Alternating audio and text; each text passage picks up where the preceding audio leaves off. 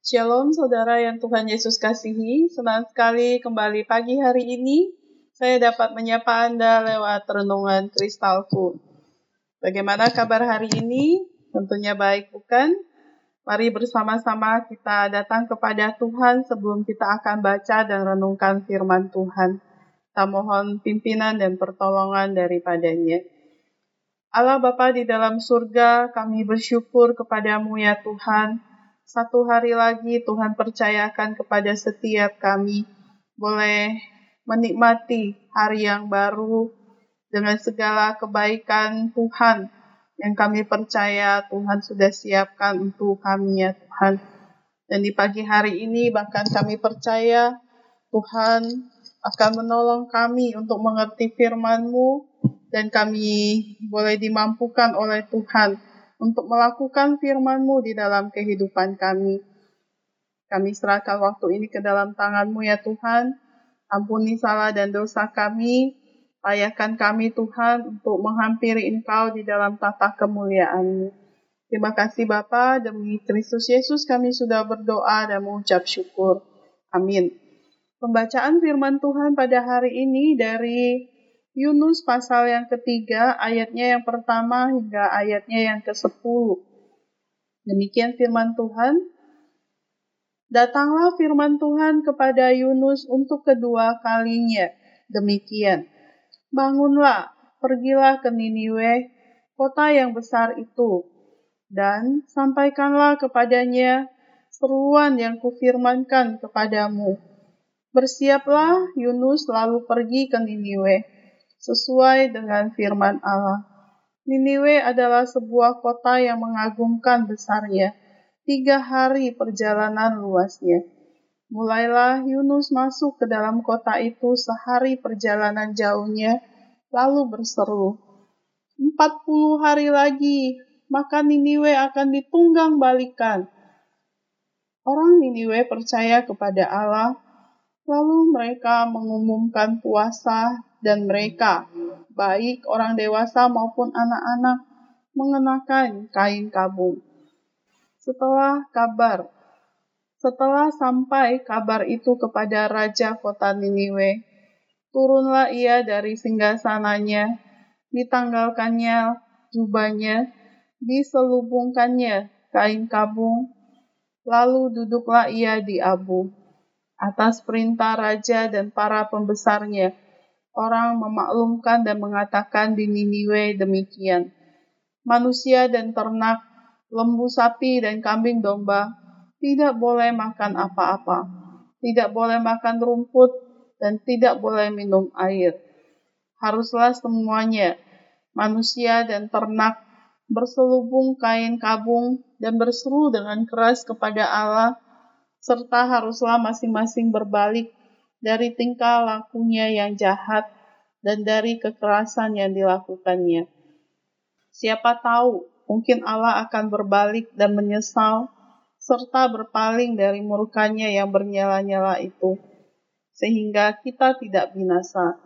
Ketika Allah melihat perbuatan mereka itu, yakni bagaimana mereka berbalik dari tingkah lakunya yang jahat maka menyesallah Allah karena malapetaka yang telah dirancangkannya terhadap mereka, dan ia pun tidak jadi melakukannya.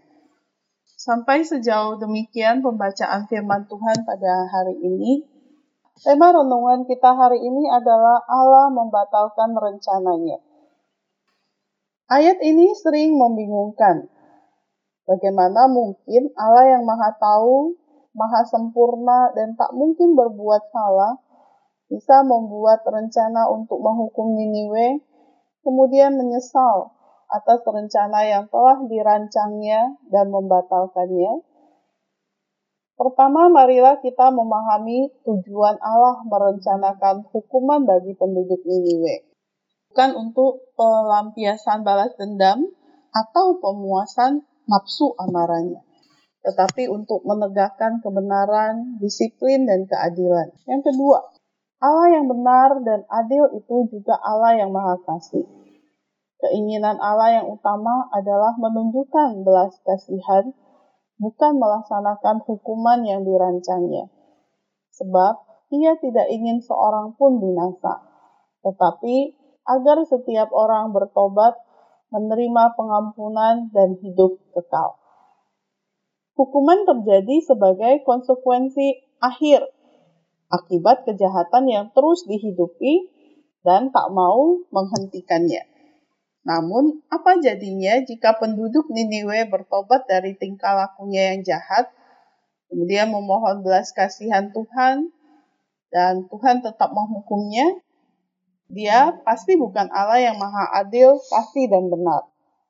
Tetapi Allah yang sewenang-wenang.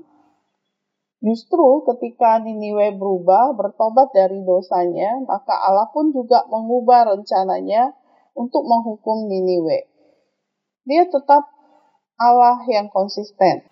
Ia tetap melaksanakan janji setianya. Sekalipun dosamu merah seperti kirmizi, akan menjadi putih seperti salju. Sekalipun berwarna merah seperti kain kesumba, akan menjadi putih seperti bulu domba. Yesaya 1 ayat 18. Jika kamu mau menurut dan mendengar firman Tuhan. Itulah yang firman Tuhan katakan, Tuhan memberikan pengampunan jikalau kita mentaati firman-Nya.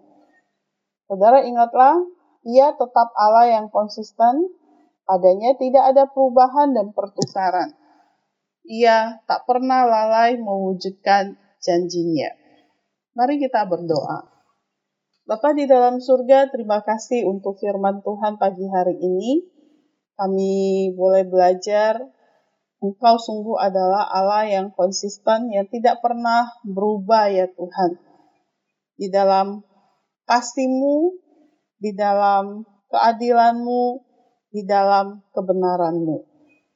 Kami berdoa pagi hari ini ya Tuhan, kiranya Engkau menolong kami untuk boleh selalu pegang janji firman Tuhan, selalu percaya kepada Engkau ya Tuhan, kami percaya bahwa ketika kami datang kepada Tuhan dengan segala pelanggaran dan kesalahan serta dosa kami, Engkau adalah Allah yang tidak pernah mengabaikan.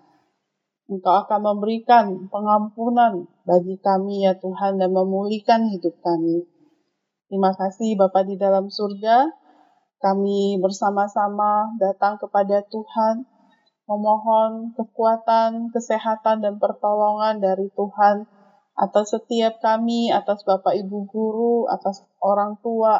Tuhan memimpin menyertai semua kegiatan yang akan dilakukan di hari ini.